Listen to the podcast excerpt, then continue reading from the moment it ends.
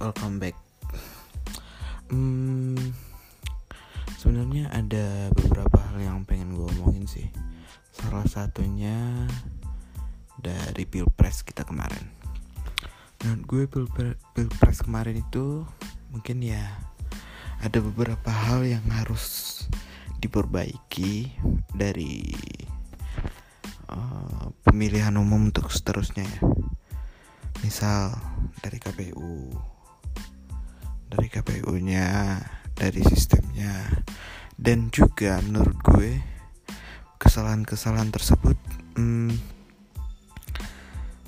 dikarenakan ini menurut gue ya dikarenakan adanya uh, pemilihan serentak gitu. Serentak. Bisa contoh contoh contoh antara legislatif sama presiden. Nah itu kan perdana tuh buat bareng-bareng gitu pemilih pemilih pemilihan umum secara bersamaan. Jadi ada beberapa kewalahan atau ya pengumpulan. Gue kebayang sih susahnya sih kebayang sih. Karena Indonesia kita ini kan luas nih.